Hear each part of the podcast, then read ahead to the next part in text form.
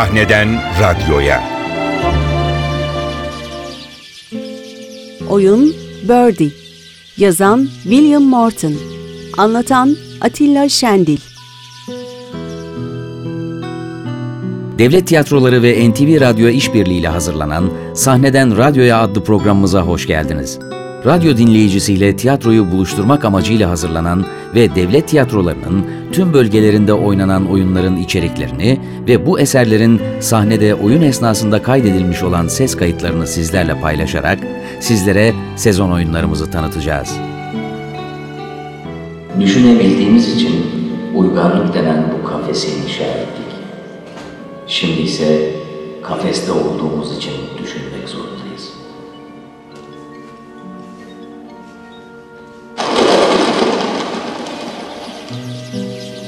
Bugün size tanıtacağımız oyun İstanbul Devlet Tiyatroları'nda Türkiye premierini yapan, gelmiş geçmiş en etkili savaş karşıtı eserlerden biri olan Birdie.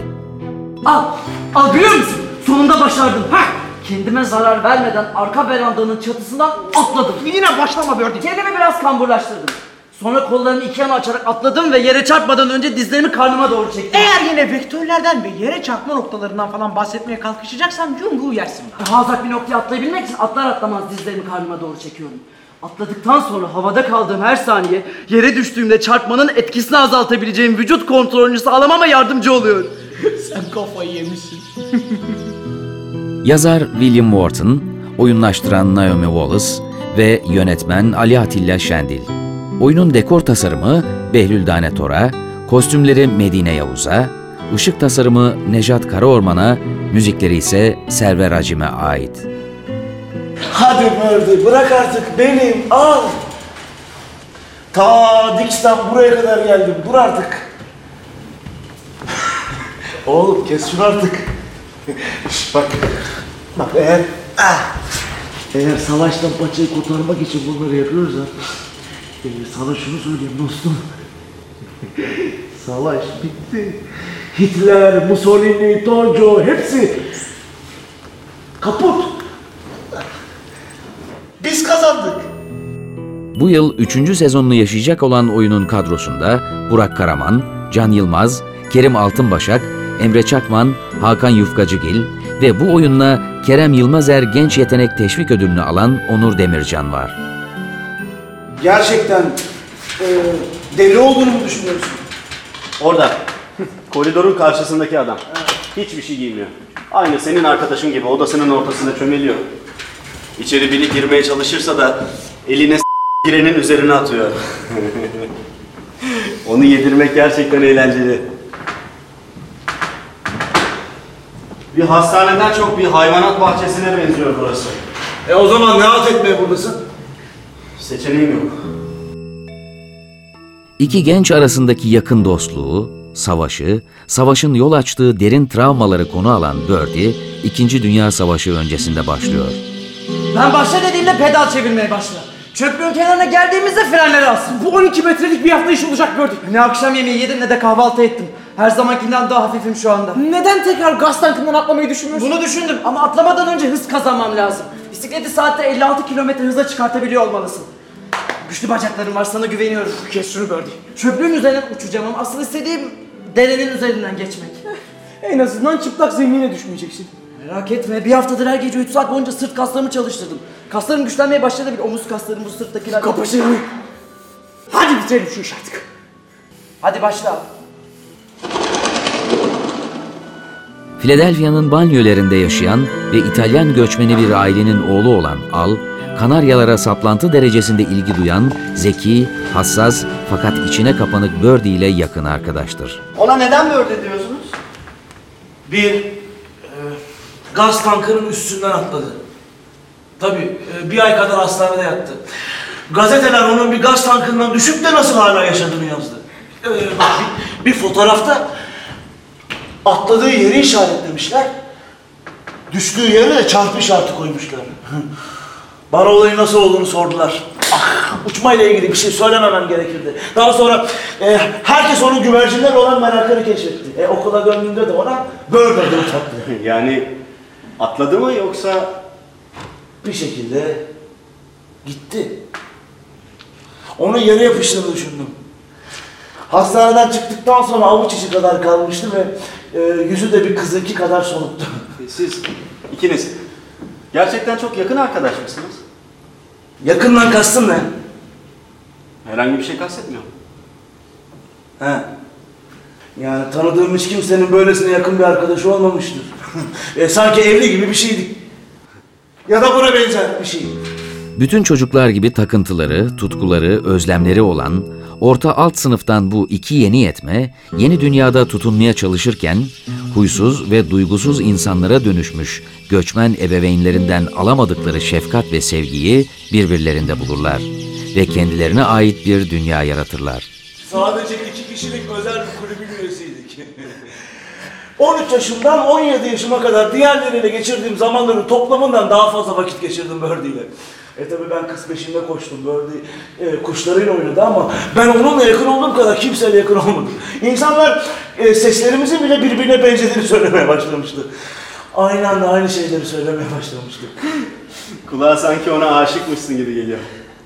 Söylediklerimi nereye dinliyorsun sen? Çok sevmişsin demek istedim. Aşık olacak kadar. Meyveli pasta gibi mi? Evet. Nesin sen? Bir çeşit akıl almadın? Hiçbirimiz sana karşı değiliz. Sen ve başta bilmek istediğin tek şey bizim yatıp yatmadığımız. Fark eder mi? Hayır. Etmez. Geniş bir hayal gücü olan zeki ve yaratıcı Birdie, kuş besleyip onlar gibi uçmayı düşlerken, bedenini, gücünü ve erkekliğini yeni yeni keşfetmeye başlayan yakışıklı al, kız peşinde koşmayı yeğler. Hey Birdie! Bugünlerde okulda sana kuş manyağı yerine ne söylediklerini biliyor musun? İyi bir şeyler değildir. Çirkin ördek yavrusu. Mezuniyet balosuna sadece üç gün kaldı Birdie farkındasın. Aa, şunlara bak hayatında bunlardan daha güzel bir şey gördün mü? Mezuniyet balosuna gelmeyeceksin öyle mi? He. Bunlar fena değil. Aferin sana. Kendini bayağı geliştirmişsin. Geçen ay Franklin'de gördüklerimizden bile daha iyiler. Çünkü birçok ressam kuş resimlerini doldurulmuş kuşlara bakarak çiziyor. Ölü bir kuş kuş değildir. Bu küllere bakıp ateşin resmini çizmeye çalışmak gibi bir şey. E hiç yumurtlayan var mı? Hayır, hala eşleşmelerini bekliyorum. Eşlerden konu açılmışken baloya gitmek için bekleyen 20 tane kız var. Annem histeri krizine tutuldu. Baloya gitmek istemiyorum. 5 dolara smoking kiralamak istemiyorum. 1,5 dolara orkide alıp tanımadığım bir kıza vermek istemiyorum.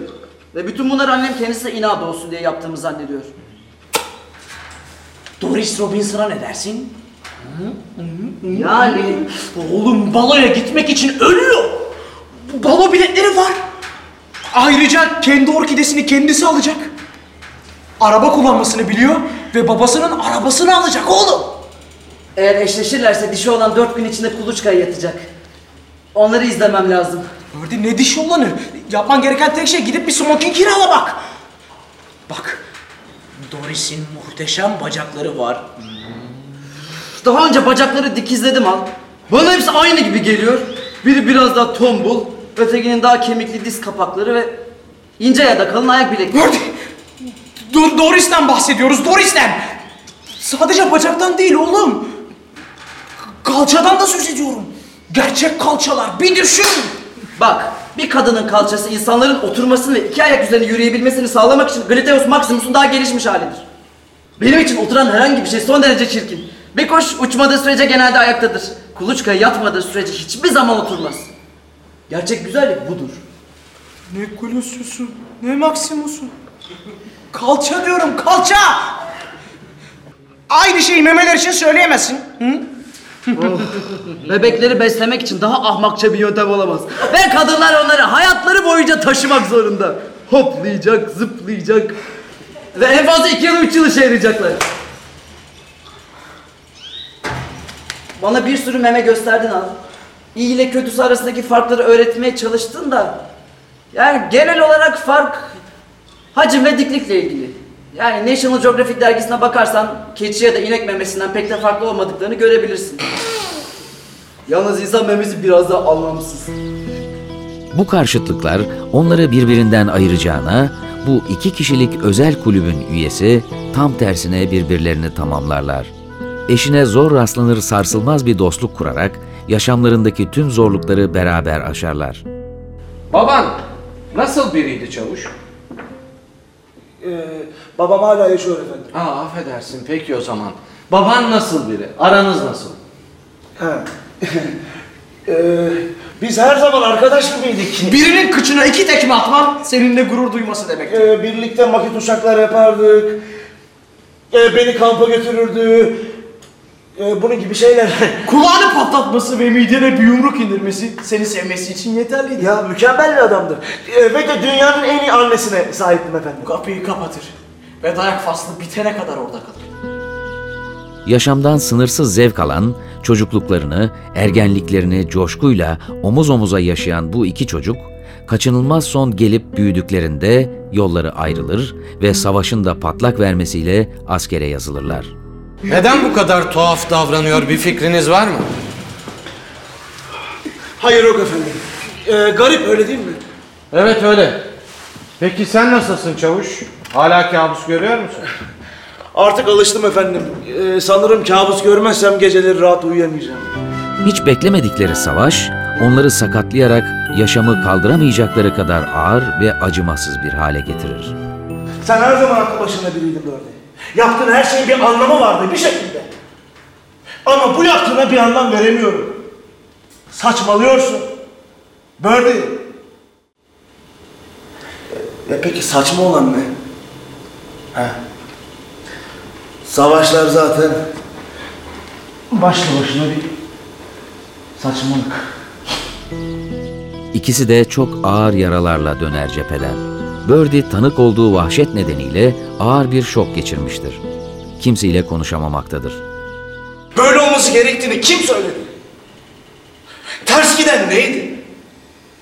Kendi hayatımıza yön veremedik gibi bir his var içimde. Bir, bir, bir şekilde yönlendirildik. Evet biz biraz farklıyız ama sonuçta herkes gibi. Ruhu parça parça olan Birdie, katatonik bir akıl hastası olarak içine kapanır. Bizi diğerleri gibi yapmaya çalışıyorlar oğlum. Ve bunun ne kadar kolay olduğunu görmek korkunç bir şey. Hepimizi giydiriyorlar. Elimize birer tüfek veriyorlar. Birkaç savaş taktiği öğretiyorlar. Ve bizler ordunun listesinde sadece isimden ibaretiz. Terhis olduğumuzda ya da adımız kayıp listesinde yazıldığında bizimle işimiz bitiyor. Artık kim olduğumuzun hiç böyle bir yok. Psikiyatrist Albay Weiss, umutsuz vaka olarak gördüğü Birdie'yi iyileştirebilmek için son çare olarak yakın dostu Alı'yı hastaneye çağırır. Arkadaşına eski haline dönmesinde yardımcı olmasını ister. Yoksa söylediğim şarkımı dinlemiyor musun? Artık daha fazla tartışmaya gerek yok. Bu benim kararım. Kısaca işe yaramıyor. Hastada şimdiye kadar hiçbir gelişme yok. Ya ama benim sadece biraz daha e, zamana ihtiyacım var. Yeterince zaman harcadınız çavuş. Şimdi başka bir şey deneme zamanı. Ama onunla iletişim kurmaya başladım sayılır. Bunu nereden E, anladınız? bunu sadece biliyorum. E, bunu bunu hissedebiliyorum. Üzgünüm ama ben hiçbir gelişme görmüyorum. Hasta gittikçe daha da kötüye gidiyor. Daha az hareket eder oldu. Yemek yemeyi de kesti. Ama bu bir gelişme. Bir gelişme. Üzgünüm ama onu Florida'daki üsse göndermek için gerekli tüm hazırlıkları tamamladım. Oradakiler bu gibi konularda bizden daha deneyimli. Denedik ama başaramadık. Bu saatten sonra da bir şeyin değişeceği yok. Efendim bana sadece bir gün daha verin lütfen. Beni duydunuz. Kararım kesin. Efendim onun neye ihtiyacı olduğunu biliyorum. Sadece bana... Bana öyle geliyor ki çavuş. Bu işe artık hissi bir şekilde yaklaşmaya başladınız. Bu size de hastaya da bir zarar verebilir. Zarar mı? Siz neden bahsediyorsunuz? Efendim bana sadece bir gün daha verin. Lütfen yalvarıyorum size. Siz bir çavuşsunuz. Yalvarmamanız gerekir. Anlıyorum yakın arkadaşlığınız. Fakat bu uzun zaman önceydi. O artık başka biri. O şimdi tamamıyla farklı biri ve hiç kimse ona yardım edemez. Bakın efendim. Çıkabilirsiniz. Karnı ve yüzü darmadağın olan Alsa artık sürekli sargılarla dolaşmakta, bandajların arkasındaki paramparça çenesinin düzelmesini beklerken kendisini ve arkadaşını tamir etmeye çalışır. Evet çavuş. Dünkü ziyaretiniz nasıl geçti? Her şey yolundaydı efendim. Hastaya kışın e, donmuş gölün üzerine nasıl kaydığımızdan söz ettim. Sanırım beni dinliyordu efendim. Seni dinlediğini nasıl anladın çavuş? E, o- E, oturma şeklinden anladım efendim. E, e, sanki beni izliyor gibi görünüyordu. Otur otur. Hiçbir gelişme yok çavuş. Fakat birkaç gün daha zaman tanıyacağız. Ha bu arada çenen nasıl? Raporlarını okudum. Gerçekten de ciddi bir ameliyatmış. Bir sonraki ne zaman? E, haftaya tüm tedavi tamamlanmış olacak efendim. E, son birkaç işlem kaldı. Sonra bitecek. Çavuş, seninle Fort Cumberland'deki askeri mahkeme hakkında daha detaylı konuşmamızın bir sakıncası var mı? Tam olarak ne oldu? Bunun hastayla ne alakası var anlayamadım efendim. Bu e, bu çok uzun zaman önceydi. İzin verin de buna ben karar vereyim çavuş. Weiss bir yandan da Al'ın savaş süresince orduda yaşadığı sorunlara ve ona tuhaf gelen bu iki dostun yakın ilişkilerini de irdeleyerek Al'ı çözmeye çalışır. Kahretsin! Gelmiş başıma dikilip dururken ben ona bildiğince hızlı kürek sallıyordum efendim. Aklına gelen bütün küfürleri etti. Orduda ondan daha çok işe yaradığımı göstermek için var gücüme çalışıyordum. Ve sonra beni sonra beni tekrar kolumdan yakaladı. Bana küfür etti. Ona o lanet ellerini küreğimden çekmesini söyledim. Tekrar davrandı. Ben de kömür yığının kenarına iki adım kadar durdum. Ve küreği onun suratına tüm gücümle çarptım. Tanrım mükemmel bir duygu. Küreği onun suratının tam ortasına yapıştırdım. Tam orta yerine. So- Sonra çift kazan ayağa kaydı ve kömürlerin üzerine düştü. Kalkmaya çalışırken tekrar düştü. Sanki suratı ezilmiş gibiydi. Ee, suratı başta beyazdı sonra kanamaya başladı. Suratına düşen kar taneleri kırmızıya. Ben- Ben bir küreğin e, böyle bir şeye neden olabileceğini pek e, düşünememiştim efendim. Hikayenin hepsi bu kadar mı çavuş? Evet efendim ona vurduktan sonra odamdan çıkmama izin verilmedi. Ee, zaten üç gün sonra da mahkeme başladı. Bördi kendine! Kendine gel Bördi! Bördi sakın öyle falan deme! Bördi kalk! Yürü Bördi yürümen lazım! Hastaya hiç vurdunuz mu ya da ona karşı zor kullandınız mı? Uyumamalısın! Hayır efendim biz arkadaştık. Yapma çavuş, arkadaşlıktan öte bir şeyler var gibi. Beni duyabiliyor musun Bördi? Size arkadaş olduğumuzu söyledim efendim. Ona hiç Çocukken vurmadım. baban seni hiç çok kötü bir şekilde dövdü mü? Bu sorunuzu daha önce yanıtladım Tüm efendim. dünya sana karşıymış gibi bir his var mı içinde? Hayır, yok. Bütün bu düşmanca hareketlere neden maruz kaldığını düşün. Hayır! Sana hayır diyorum beni duyuyor musun? Oyun Al ve Birdie'nin yıkılışı ve vicdani retçi zorunlu hasta bakıcı Renaldi'nin savaş alanları dışında maruz kaldığı şiddeti de seyirciyle buluşturuyor. Hırpalandık. Sen de mi hırpalandın? Ya. Ne zaman? He? Böyle, böyle, böyle, böyle. Savunmuş şeyler yüzünden savaşa gitmedin. Kolay yolu seçtin. Burada olmanın kolay olur mu sana? Evet öyle. Sen orada savaşırken sen burada delilere sahip çıkıyorsun. Ben bunlara katlanmak zorunda değilim. Tabii ki katlanmak zorundasın. Gördün ben gibi insanlarla senin gibi insanlar arasında bir fark var. Bizler savaştık. Sen hayatında savaşmayı görmedin. Tabii ki gördüm. Her zaman. Ayrıca ben savaşı sadece manşetlerde görmedim. Hayır. Çavuş. Savaşı her an her yerde yaşıyorum. Tüm detaylarıyla. Okyanusu geçmem ya da ateş etmem gerekmiyor bunun için. Burada. Çevremde. Hatta şu anda.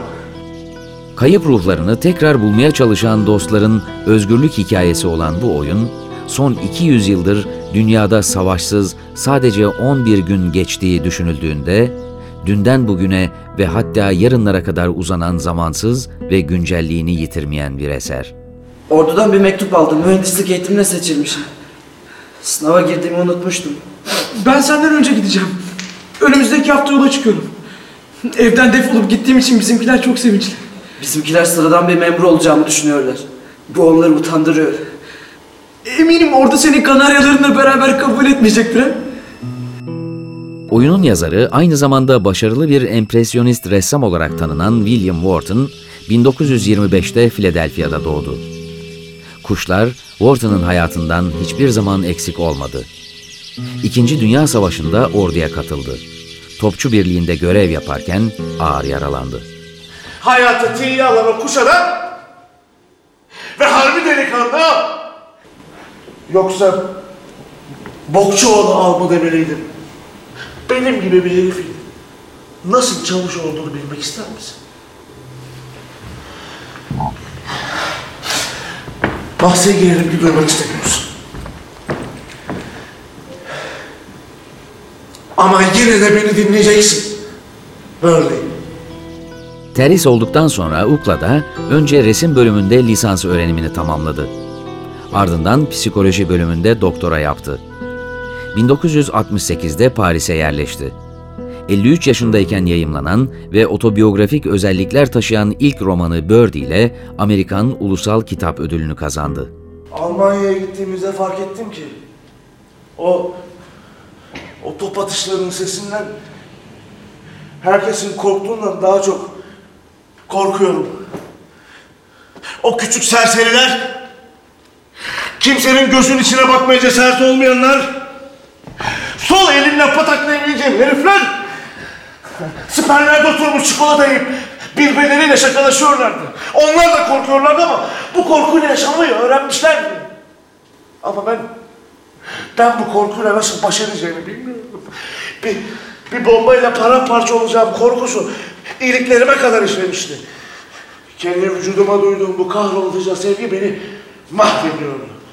Öyle bir noktaya geldim ki artık korkmaya korkar olmuştum. Tüm sinir sistemim alt üst olmuştu. Orada da kaçacak gücüm dahi kalmamıştı. Harbi delikanlı al. Altına yanmamak için kendini zor, zor tutuyordu. Derin nefes alıp kekelememeye çalışıyordum. Yavaş yavaş herkes benim aslında sert görüşlü ördek herifin teki olduğumu anlıyordu böyle. Elleri böyle titriyordu ki silahımı bile dolduruyor. 1984'te Alan Parker tarafından beyaz perdeye aktarılan Birdie, 1985'te Cannes'da jüri özel ödülü aldı. Orada ne var böyle? Ha? Sen de benim gördüklerimi mi görüyorsun? Bu yüzden mi konuşmaktan kaçıp sakayıp duruyorsun? Evet mayınlar vardı hem de birçok. Hiç bölük komutanın gözünün önünde beş parçaya ayrıldı mı? Ve yanımdaki adamın yüzü resmen sinirli. Sanki yüzünde bir maske vardı da onu çıkarttı. Adamın yüzünün derisine aldım. Ve tekrar yüzüne yapıştırmaya çalıştım. Plastik gibiydi. Sanki çekmişti ya yapışmıyordu. Ona dedim ki yüzüne dokunma. Yüzünden yaralandı. Birdie, Naomi Wallace tarafından oyunlaştırılarak ilk kez 1997'de West End'de sahnelendi. Ondan sonra hastanede bir dizi ameliyat geçirdim böyle. Ve yüzüm ve midemden ama umurumda değildi. Hatta ameliyatları sevmeye başladım. Her seferinde küçük bir kesik ama acıtmadan bütün benim sevgili kaslı bedenimi kesip biçin. Ama acıya, toza, dumana, saldırıya, devriyelere buna dayanamam. Buna kesinlikle dayanamam. Oyunun yönetmeni Ali Atilla Şendil, 1963'te Eskişehir'de doğdu. 1987 yılında Mimar Sinan Güzel Sanatlar Üniversitesi Devlet Konservatuvarı Tiyatro Bölümünden mezun oldu. 1991 yılına kadar Trabzon Devlet Tiyatrosu'nda çalıştı. Ardından İstanbul Devlet Tiyatrosu kadrosuna geçti. 1994-95 sezonunda İstanbul Devlet Tiyatrosu Müdür Yardımcılığı yaptı. Çok yakınlık seninle böyle. Hatta yakından da öte.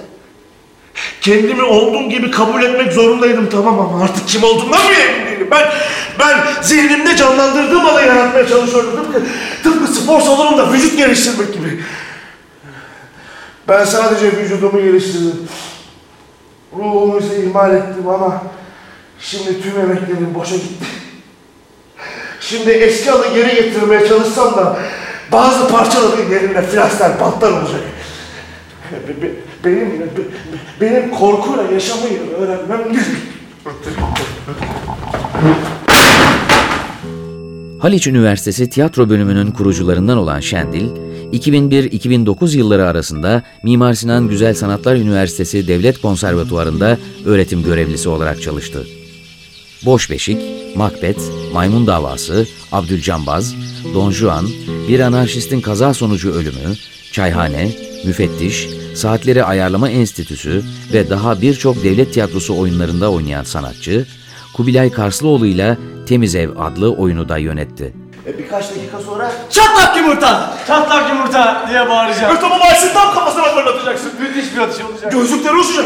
Çerçeveleri eğri büğrü olacak. Ha, Vice gözlükleri ararken biz seni tekrar bağırırken duyacağız. Çatlak yumurta. Ve Vice kafasına bir top daha yiyecek. Bu sefer alnının tam ortasına. Geriye doğru sen deneyecek. Gözlükleri tek bir kulağından sallanacak. Vice toparlanmaya çalışırken bu sefer Renaldi bir top fırlatacak. Bir bağırma daha. Çatlak yumurta. Ve Vice kışının sağ tarafına düşecek. Top sana doğru gelecek. Topu alıyorum. Ve pencereden dışarı fırlatıp bağırıyorum. Far ikinci ateş. Çatlak yumurta!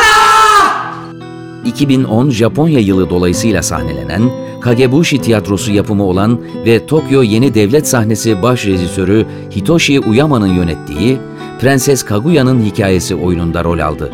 Birdie oyunuyla yönetmen Ali Atilla Şendil, İsmet Küntay Tiyatro Özel Ödülüne layık görülmüştür. Sanırım ben, havaydım. Sen de kuş. Ne, zaman sürünmüştün tenime. Uç! Ve şarkıma eşlik et.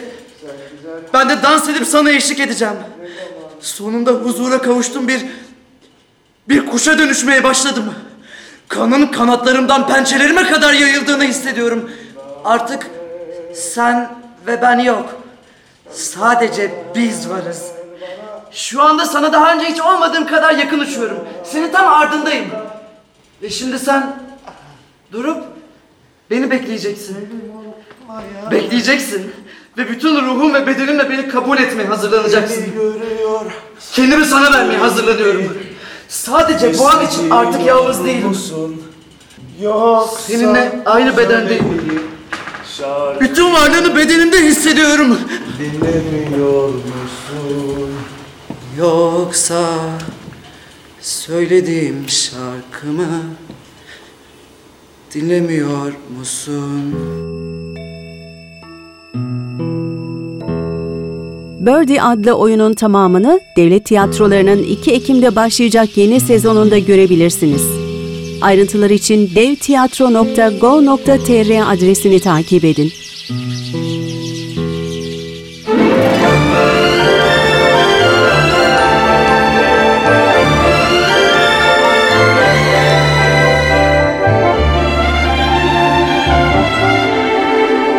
Sahneden radyoya.